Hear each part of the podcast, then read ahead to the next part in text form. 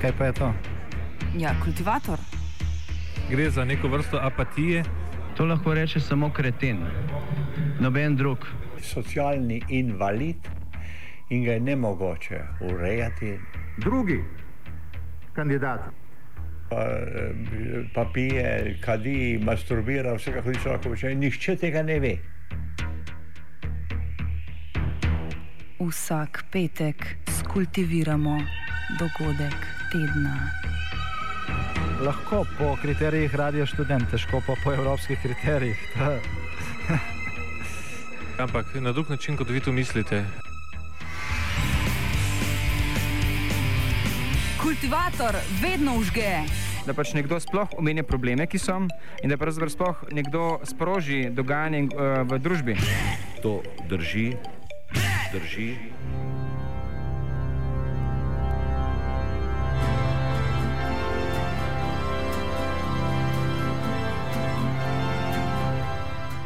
Intervencija.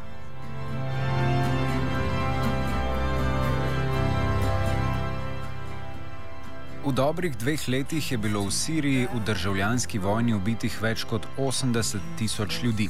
Več kot milijon ljudi je zbežalo iz države, več milijonov pa je razseljenih ali pogrešenih. Država je v gospodarskem in humanitarnem razsulu. Pred obličjem svetovne javnosti se v tej državi obeta nova vojaška intervencija pod pokroviteljstvom Združenih držav Amerike in njihovega prvega moža Baracka Obame. Gre za posredovanje v državljanski vojni v Siriji, ki je delikaten problem par excellence. No, no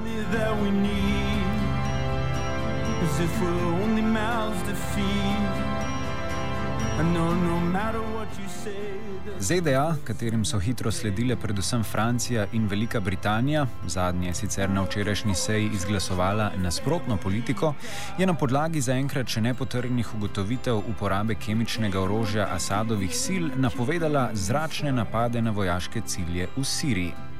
Oznanilo je svetovna javnost sprejela zelo ambivalentno. V progresivnih logih je prevladalo prepričanje, da bi akcija povzročila več negativnih kot pozitivnih posledic. Postavlja pa se tudi pravno vprašanje, saj Varnostni svet Združenih narodov še zdaleč ni enoten. Kitajska in Rusija močno nasprotujeta intervenciji, seveda tudi zaradi svojih lastnih interesov. Lift me up, take me out of here. Začenjamo z Ralfom Hoffejem iz nemškega časopisa Der Spiegel, ki nam oriše nemški pogled na situacijo v Siriji in potencijalno vojaško intervencijo. First thing I have to point out, of course, what we have seen, uh, and this goes before any discussion and every any any any pro and con. Uh, what we have seen is is, is one of the ho most horrible things you can imagine: killing children, killing innocent people in a war like this with a poison and with a weapon like this, uh, uh, really, I mean, if you see it, it makes you, it, it, it leaves you behind all, all, all, measures of humanity, and it really uh, um, uh, makes you cry and shout out. This is absolutely true. But now, unfortunately, and this is how politics work, we have to think of is this really now the situation where we should go into a war? And it's not the question uh, of moral, but also a question of politics. And it's the question if we go to war now, we have to think what are we doing now? It could be that you are punishing Assad and the regime there, and you just say, stop it and stop things like those. This could be a, this could be a reasonable, let's say, um, argument in it. But it could be on the other side that you, on the way, also exaggerate. And I think the main problem in Europe's position is that, and, and the British uh, um, the British election showed it. The problem in Europe's position is that Europe is actually not ready to go farther. And the point is like this: if you want to make war, if you go out and say someone, "Hey, you want to beat I will beat you. If you are going to, you should be ready to do it. If you're just doing it for some political reasons, or if you're doing it because you said a year ago things like this, then you situations like this mostly bring you into deep shit. Nadaljujemo z dobrim poznavalcem razmer na Bližnjem vzhodu, Primožem Štrbencem, ki nam predstavi kritičen pogled na trditve ZDA, Velike Britanije in Francije glede uporabe kemičnega orožja strani Asadovega režima. Ja, najprej treba povdariti, da prav tiste države, ki zadnja dva tedna najbolj povdarjajo, da je bilo kemijsko orožje uporabljeno v predmestih Damaska in da je to kemijsko orožje uporabil sirski režim, Torej, prav te države, to so Francija, Velika Britanija, Združene države Amerike in Turčija, že vsaj dve leti močno podpirajo sirske upornike. In v tem smislu njihove trditve vsekakor niso kredibilne in jim ne moremo kar tako verjeti. Tisti, ki bi lahko dejansko ugotovil, ali je bilo uporabljeno kemijsko orožje in morda tudi, torej morda to je namreč teža naloga, kdo ga je uporabil, to so neki neodvisni mednarodni preiskovalci, bi seveda morali dobiti več časa. Kot se zaenkrat zdi, celo te preiskovalci OZN, ki so trenutno v Siriji in ki naj bi jutri vdali poročilo generalnemu sekretarju OZN, nimajo mandata, da bi odločali oziroma ugotavljali, kdo je uporabil kemijsko orožje. Imajo zgolj mandat ugotavljanja, ali je bilo kemijsko orožje sploh uporabljeno. Eh, torej, v tem smislu je treba reči, da, več, da je več stvari precej sumljivih. Namreč treba dodati tudi to, da, da moramo vedeti, da sirski režim uh, gre marsikateremu mednarodnemu akterju v nos oziroma bi se ga želel znebiti. Uh, seveda so med temi, ki bi se želeli sirskega režima znebiti, tudi te zahodne države, ki sedaj napovedujejo intervencijo. Čeprav se zdi, da ZDA zopet vodijo neko politiko, neko strategijo vodenja iz ozadja, ki se zdi, da je vse bolj priteklina Obamove administracije, ko hočejo dati vtis, da so precej neinvolvirane, vendarle pa pomembno delujejo v ozadju. Torej, hočem reči, da dejstvo je, da se te zahodne države, ki sedaj vojaško intervencijo napovedujejo, pravzaprav že vse čas bojijo, da bi režim dobil neko trajnejšo vojaško pobudo oziroma prevzel vojaško pobudo in da bi morda na koncu lahko celo premagal upornike, na ta način pa bi se ukrepil tako imenovani tabor odpora. Namreč tabor odpora proti zahodno, predvsem ameriško-izraelski hegemoniji na Bližnjem vzhodu, ki ga poleg sirskega režima tvorijo še Iran, libanonsko-šiitsko gibanje Hezbolah in pa palestinsko gibanje Hamas. Torej ta strah je prisoten, če pa bi režim tudi zmagal v boju proti upornikom, bi Rusija odnesla zmago v neki novi, majhni, hladni vojni. Torej, ne smemo biti preveč naivni, vsa ta ozadja moramo upoštevati.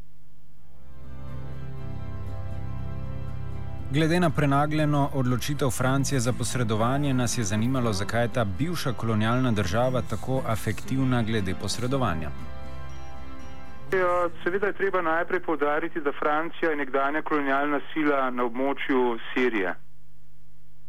Da je imela pravzaprav mandat kolonialno vladavino v Siriji med leti 1920 in 1946, da ji ni ustrezalo, da so po letu 1946 na to območje prišle na oblast, predvsem seveda po, potem, ko je basistična stranka, stranka arabskega ustajenja, leta 1963 prevzela oblast v Siriji, so tako rekoč vse sirske vlade od takrat, torej basistične, torej oče, sedanjega predsednika Bašara al-Assada, Hafiz al-Assad in pa Bašar al-Assad vodile neko arabsko nacionalistično politiko, ki pomeni politiko, ki je neodvisna od Zahoda, torej tudi od nekdanjih kolonialnih sil. Kolonialne sile so namreč na Bližnjem vzhodu, seveda govorimo predvsem o Veliki Britaniji in Franciji, v marsikaterem delu, predvsem na Ramskem polotoku in pa v Severni Afriki, ohranile bistveno oziroma odločilen vpliv še naprej. Ampak v Siriji pač ne. Torej, lahko domnevamo, da je Francijo vse čas motila ta neodvisna arabsko-nacionalistična politika basistične stranke. Eh, drugič, eh, morda celo ali pa skoraj da nujno je treba povdariti, da seveda Francija je v hudih gospodarskih težavah, vsi vemo, da se bori z, z zmanjševanjem proračunskega primankljaja, da na njo pritiska Nemčija, in tako naprej. Tako da seveda je tukaj logika podobna kot v Libiji. Če bi se odstranil režim Bašarja al-Assada in bi zmagali uporniki, bi seveda bilo treba to porušeno deželo obnoviti. In ne mara bi precejšen del poslov dobila tudi francoska podjetja. Če pa govorimo o Zahodu kot celoti, torej katerega del je tudi Francija, eh, potem pa seveda je tukaj, eh, kot sem že rekel, torej Zahod želi zrušiti torej sirski režim kot pomemben del tabora odpora. Po drugi strani pa seveda so, je v Siriji tudi eh, vojaško oporišče Rusije, edino oporišče, ki ga ima v sredozemlju in Zahod, sključno s Francijo, bi rekel, ki je vendarle članica NATO, bi se želel pozicionirati bolj kvalitetno nasproti Rusiji in Kitajski na drugi strani. Svojo vlogo v tej regiji igra oziroma želi igrati tudi Evropska unija. Govorili smo z evropskim poslancem Ivom Vajglom, ki ponudi lasten pogled na potencijalno posredovanje v Siriji. Najbolj tehtni razlog za pomisleke je ta, ne, da poučeni s primerom intervencije v Iraku, za katero se je nedvoumno pokazalo, da je bila zgrajena na blefu, na laži, na, na uh, dejstvih, eh, ki so jih poskušali prikazati in za katere so več čas pravzaprav vedeli, da, da, da so izmišljeni, uh, potem je seveda zdaj uh, iti ponovno v, v ponovitev te zgodbe, uh, pravzaprav popolnoma nespremljivo in, in, in da ne rečem kaj hujšega dejanja. Vsekakor je to napad direkten na, na svetovni mir, na neko na, na, ravnovesje, ki temelji ali vsaj mora temeljiti na mednarodnem pravu. V Sirijo se ne da kar tako dregniti, odstaviti nekega diktatorja in potem eh, eh, oditi. Ne tam seveda se neka demokracija ne bo spostavila sama od sebe in jaz sem že pred dvemi leti, ko smo začeli v Evropskem parlamentu govoriti o problemu Sirije, opozarjal, da se mi zdi najbolj verjetni scenarij, da bo na koncu te državljanske vojne bo, bo Sirija padla v roke najbolj ekstremnim islamistom, talibanom in Al-Kaidi. Danes je to že dejstvo. Danes so med temi uh, uporniki, ki jih Zahod tako uh, nekritično podpira, misleč ali pa, ali pa nekateri v dobri veri, da je to začetek prave demokracije na Bližnjem shodu, uh, med njimi so že prevladali ekstremi. In uh, če dalje manj je verjetno, da bi lahko Sirija imela neko normalno uh, prihodnost, uh, sploh celovite države, zlasti pa ne uh, demokratične države. Vajgel v nadaljevanju razmišlja o potencijalnih premirih za pogajalskimi diplomatskimi mizami. Zdaj, zdaj eh, je sklicana eh, Ženevska mirovna konferenca in eh, potem, ko je izgledalo, da bo to ena čisto konstruktivna in resna stvar, so uporniki, ki so, ki so pravzaprav zahtevali takšno konferenco, svoje sodelovanje umaknili ker čakajo seveda na zase ugoden vojaški razplet. In, in jaz ponavljam, da mislim, da je to predvsem politično vprašanje, ki se ga da rešiti samo na način, da se vse zainteresirane strani usedejo za vojaško mizo. Tako se dela mi. Govorili smo tudi z neodvisnim novinarjem v Siriji, ki povode za medetnične konflikte, ki smo jim priča danes, vidi onkraj politike. Yeah, for me at least, and having lived in Syria for four years before the revolution, um, there were enormous changes to Syrian society in those few years, from about 2008 until 2010. Um, a lot of people in the urban centres, in the main cities, um, were, were able to get access to money through the growth of private banks. They were able to get loans, to buy cars, to uh, get married, to open businesses, to live quite comfortable lives. Um, at the same time, there was a drought in eastern Syria, which is the essentially the breadbasket for the country, where much of of the country's crops and um, foods produced. Um, this drought that went on for a number of years um, destroyed the livelihoods of thousands of farmers, and which ended up driving them to the the suburbs of the major cities, to the, the poor suburbs, to the, the, the areas where they could find cheap places to live. Uh, so in the years leading up to the revolution, there was a a social diversification. Um, the established families in the cities got wealthier, while the people in the countryside uh, were forced to live in, um, you know, run down parts of the outer cities and uh, had little access to money. And of course, they were increasingly angry with the Assad regime for not uh, supporting them as they felt they should. This is an important factor, I think, in leading up to the, the, the further outbreak of the revolt. In the beginning of the revolution, as I say, in March and April 2011, people were called for, as I say, for respect and for dignity. They didn't want to be treated um, uh, uh, poorly by the Assad regime. If, you know, they didn't want to be put in prison anymore. They didn't want to be beaten.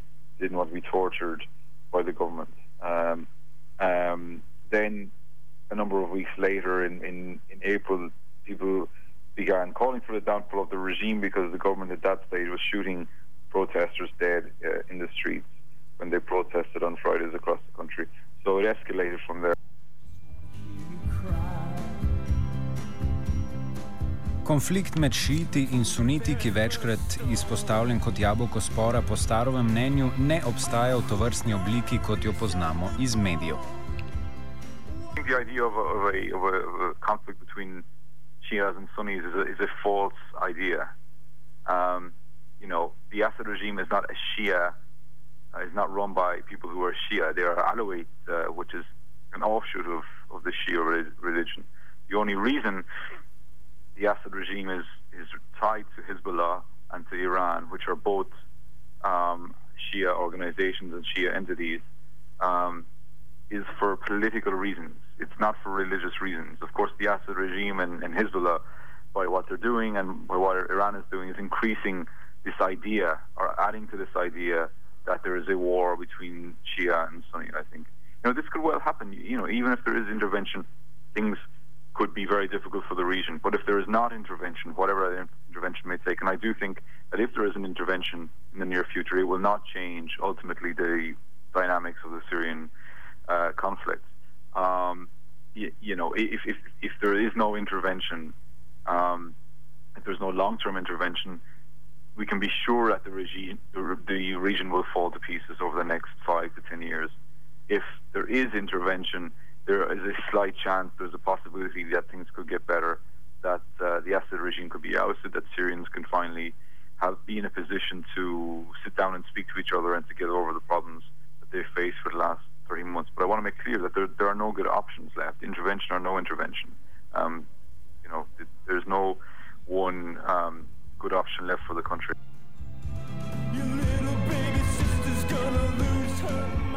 Onkraj velike luže tudi obstajajo številne družbeno-politične struje. Libertarna ekonomska agenda je ena izmed njih. Govorili smo s predsednikom The Future Freedom Foundations, Jacobom Hornbergerjem, ki razmišlja o potencijalni vojaški intervenciji v Siriji in njenih posledicah. Well, the, the proposed action by President Obama is is both a moral abomination and a, a legal abomination. First of all, he has no legal authority under the U.S. Constitution. The Constitution is very clear. It requires a congressional declaration of war under our system of government before the president can wage war. So he's engaging in illegality. The second is is that it's no business of the U.S. government to be policing the world if an atrocity has taken place, uh, that is something that the Syrians have to resolve. It is not the role of the U.S. government to be the world's international policeman, judge, executioner. And it is impossible to measure what the consequences are going to be. But we've seen this before. We saw it in Iraq with all the WMDs. They, they go in there and they end up killing uh, untold numbers of people and then they tell us that they have to take away our own freedoms to keep us safe from the very enemies that they themselves produce. So, for all these reasons, it is an, it is an absolute abhorrent thing that Obama's planning on doing. A war is sometimes uh, helpful for the United States, as we know in, through history. And right now, uh, United States have some problems with this uh, national security agency scandals in, involving Bradley Manning and Edward Snowden, WikiLeaks. Uh, do you believe that uh, possible intervention could uh, fume away the, the scandal that should be more uh, attended to? Yeah, it, it, certainly does come as an interesting coincidence that while people are focused on the uh, massive illegal spy scheme that the national security state is engaged in, that Obama uh, plans to start a war uh, that will conveniently distract people's attention and um, from the standpoint of the government, hopefully motivate them to the rally to the government, support the government, support the troops because now we're at war and so forth. And uh, but it's it's standard strategy. Um, the the Romans used to do this. That whenever the citizenry started to engage in tax revolts, they just go out and start a foreign war or a foreign crisis and get everybody all riled up. But all of these schemes the NSA spy scheme, the, the the, the, the all the things that are designed, the TSA to keep us safe, uh, supposedly keep us safe, don't keep us safe, and and they are a direct consequence of what the U.S. national security state is doing overseas. In other words, the CIA and the military produce the enemies with their foreign policies with their invasions, occupations, torture, sanctions, embargoes, all this stuff, and then the uh, then they they come over here and start spying on Americans. The government does, uh, saying, "Oh well, this is the only way that we can keep you safe from the enemies that the military and the CIA is producing." Odnos Združenih držav Amerike do drugih držav na modrem planetu je bil največkrat svoje glav. Podobno je tudi danes. Kako vidi Hornberger odnos svoje države do svetovnih žarič danes in kaj leta kaže? Not forget that the U.S. government chose the Assad regime as one of its torture rendition partners. Uh, there was a Canadian man named Mahar Arar that the CIA kidnapped at Dulles Airport here in the United States when he was on his way home to Canada. They transported him uh, over to uh, to Syria or to an intermediary country where he would be delivered to Syria. The purpose was to torture him. That's why they chose the Assad regime. They chose it because it was brutal regime, and so now they have all this righteous indignation about how brutal this regime is. This was one of their partners just like the Egyptian military dictatorship is one of their partners and has been for many years, and Saddam Hussein was one of their partners. It all goes to the hypocrisy of this regime. So when they go over there and start preaching economic principles and classical liberal principles, it's all just part of a hypocritic game. The, the only reason they're intervening is, is what goes to the core of U.S. foreign policy, and that is regime change. They want to put dictators and rulers into power that will do the bidding of the U.S. empire. That is that is the entire thrust.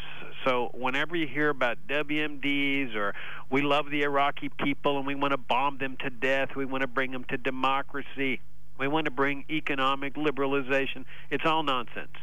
The the the primary goal, the only goal really, is to install pro-U.S. dictators in all these countries. There is no justification for intervening ever um, you know, there's there's lots of bad things that happen in the world. There are dictators. There is oppression. There is famine, and um, our founding fathers' position was: look, the United States is not going to go abroad to fix all these things because when they do, they inevitably make it worse. Številni politični analitiki menijo, da bi lahko imelo vojaško posredovanje širše politične implikacije ne samo na ožjo regijo, ampak tudi na celoten svet. Tako nekateri govorijo o možnosti velikega svetovnega konflikta. Štrbenc. Ja, jaz mislim, da je to celo. Čeprav danes veliko govorimo o kemijskem orožju, veliko govorimo o pravnih podlagah in tako naprej, je pa vendarle vsak intelektualec in humanist bi moral najprej, uh, najprej pomisliti na to, kakšno vojaško destrukcijo lahko kakšna poteza povzroči.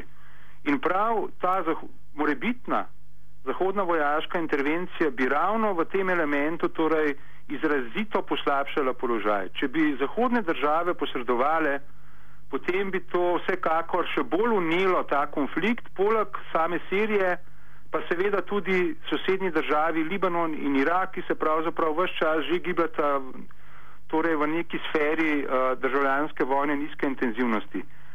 Večkrat se omenja oziroma se vlečejo neke usporednice med posredovanjem NATO v Zvezdni republiki Jugoslaviji leta 1999 proti Miloševiču zaradi Kosova in pa sedanja sirska kriza. Torej to so, to so ravno v tej poanti širših implikacij izrazito ne, neustrezne primerjave.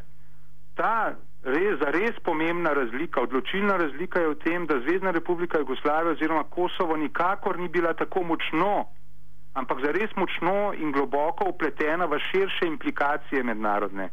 Torej ni imela take vloge ZRJ v nekih širših konfrontacijah oziroma strateških interesih držav. Povedano drugače, konflikt v Siriji je tako destruktiven zaradi tega, ker je Sirija zgolj arena, v kateri se borijo mnogo močnejši, širši akteri.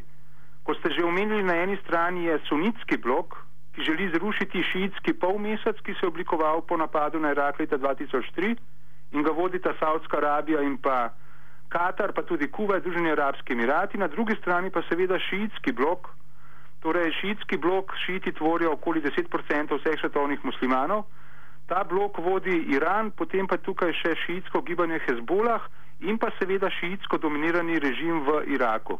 To je prvi boj. Drugi boj je seveda ta, ki sem ga že omenil, med, na eni strani med zahodno-izraelsko koalicijo, torej čeprav se zdi včasih, da je Izrael neinvolviran v ta sirski konflikt, jaz mislim, da Izrael v ozadju precej, precej posega v ta konflikt, eh, konf, eh, torej destruktivno. Ne na zadnje smo pred nekaj dnevi brali lahko, da izraelski komandosi oziroma specialci urijo upornike v Jordani. Torej Izraelci in eh, Zahod, Zahod na eni strani, drugi tabor odpora in pa tretjič tudi, kar sem že omenil, Rusija na eni strani, Zahod na drugi. Torej, konkretno, če bi zahodne države intervenirale, vsekakor Iran, Hezbolah in pa šiitsko dominirani režim v Iraku, pa tudi Rusija ne bi ustali križem rok. Ne pozabimo, Iran in Hezbolah sta se že do sedaj zelo pomembno upletala v sirski konflikt na strani režima. Namreč Iran in Hezbolah vse skozi povdarjata, da so dogajanja v Siriji za njo vitalnega pomena, življensko pomembnega pomena. In gre ima verjeti, Iran je danes zelo ranjen, zelo se počuti ogroženega in zaradi tega je mnogo bolj nevaren. Kaj ti lahko se počuti obkoljenega, okoli njega so ameriška vojaška oporišča in pa seveda Izrael grozi z vojaškimi, z letalskimi napadi. Poleg tega proti Iranu že nekaj časa poteka posebna vojna. Na drugi strani Hezbolah vse čas pravzaprav računa, da bo prišlo do nove vojne z Izraelom. Druge po letu 2006 oziroma julija 2006 in želi, zato da bi se lahko proti Izraelu enakovredno bojeval, ohraniti sirski režim kot strateški most do Irana, kajti prek iz Irana dobiva sofisticirano orožje. Poleg tega se Hezbolah boji, da če bi sirski režim padel, da bi to izjemno spodbudilo sunite v Libanonu in da bi zrušili oziroma zelo zmanjšali vojaško politično moč Hezbolaha, s tem pa vseh šitov, dvanajstnikov v Libanonu, ki so bili dolga desetletja tudi zaterani. Torej, Hezbolah in Iran sta že, sta že do sedaj pošiljala svoje vojake in pa posebne enote v, v Sirijo, sedaj bi to storila še toliko bolj. Ne na zadnje, zares ne na zadnje pa je treba povdariti, da Alaviti, to je specifična, zelo specifična šiitska skupina v Siriji, na katero se opira sirski režim in ti alaviti tvorijo okoli 15% prebivalstva, menijo, da če bi padel režim, da bi celotna alavitska skupnost doživela katastrofo, da bi se znašla na robu eksistenčne grožne. Skratka, alaviti se bodo borili do konca, lahko računamo na to. So zelo, zelo se čutijo ogrožene in, in kot taki so še bolj iracionalno nevarni, ker so dobro oboroženi. Vse to, torej, če je Zahod interveniral, bi se vse te sile proti sile združile in rezultat bi bil še večja katastrofa. Na to moramo misliti. Glede na to, da so tako imenovane zahodne države dolgo časa predvsem opazovale dogajanje v Siriji, pri čemer so nekateri opozarjali, da bi bilo potrebno oborožiti upornike, smo Štrbenca vprašali po njegovem mnenju še o tem ste morda iz čisto iz tehničnega vidika žrtvo, bi bilo morda to lahko bolje, ampak imamo druge velike probleme. Namreč uh, situacija se je od samega začetka v Siriji slikala izrazito črno-belo, izrazito neustrezno. Torej, Asadov režim je demoniziran bil, je tiranski, je zatiralski in tako naprej. Opozicija, tista sekularistična, naj bi se borila za svobodo in tako naprej. Jaz sem malce skeptičen glede te črno-bele slike.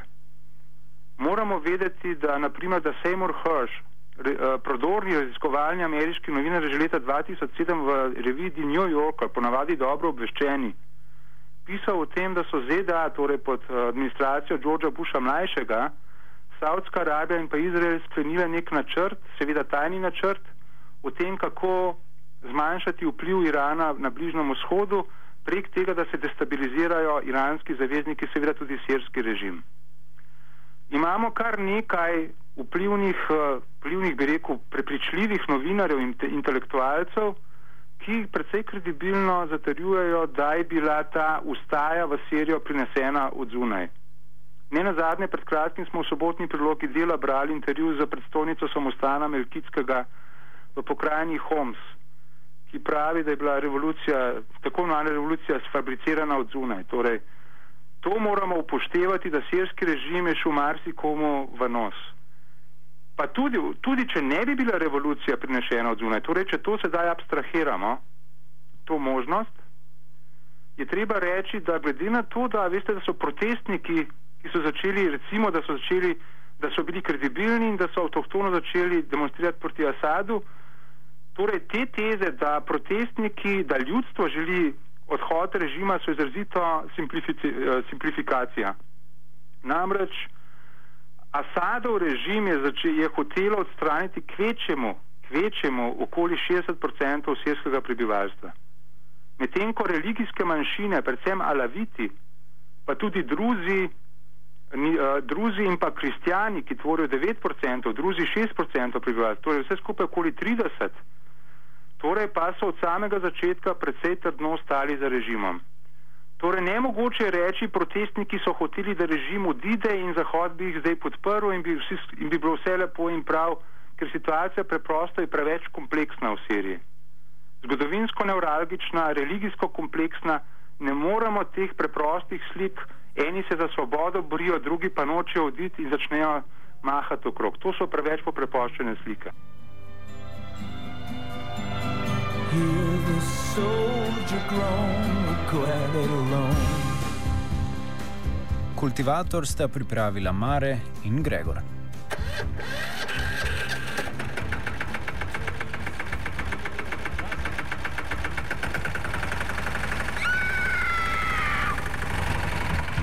Je, kaj pa je to? Ja, kultivator. Gre za neko vrsto apatije. To lahko reče samo kreten, noben drug. Socialni invalid in ga je ne mogoče urejati. Drugi kandidat. Pa, pa pije, kadi, masturbira, vse kako ti lahko reče. Nihče tega ne ve. Vsak petek skultiviramo dogodek tedna. Lahko po kriterijih radio študent, težko pa po evropskih kriterijih. Ampak na drug način, kot vi to mislite. Kultivator vedno užge. Da pač nekdo sploh omenja probleme, ki so, in da pravzaprav sploh nekdo sproži dogajanje uh, v družbi. To drži, drži.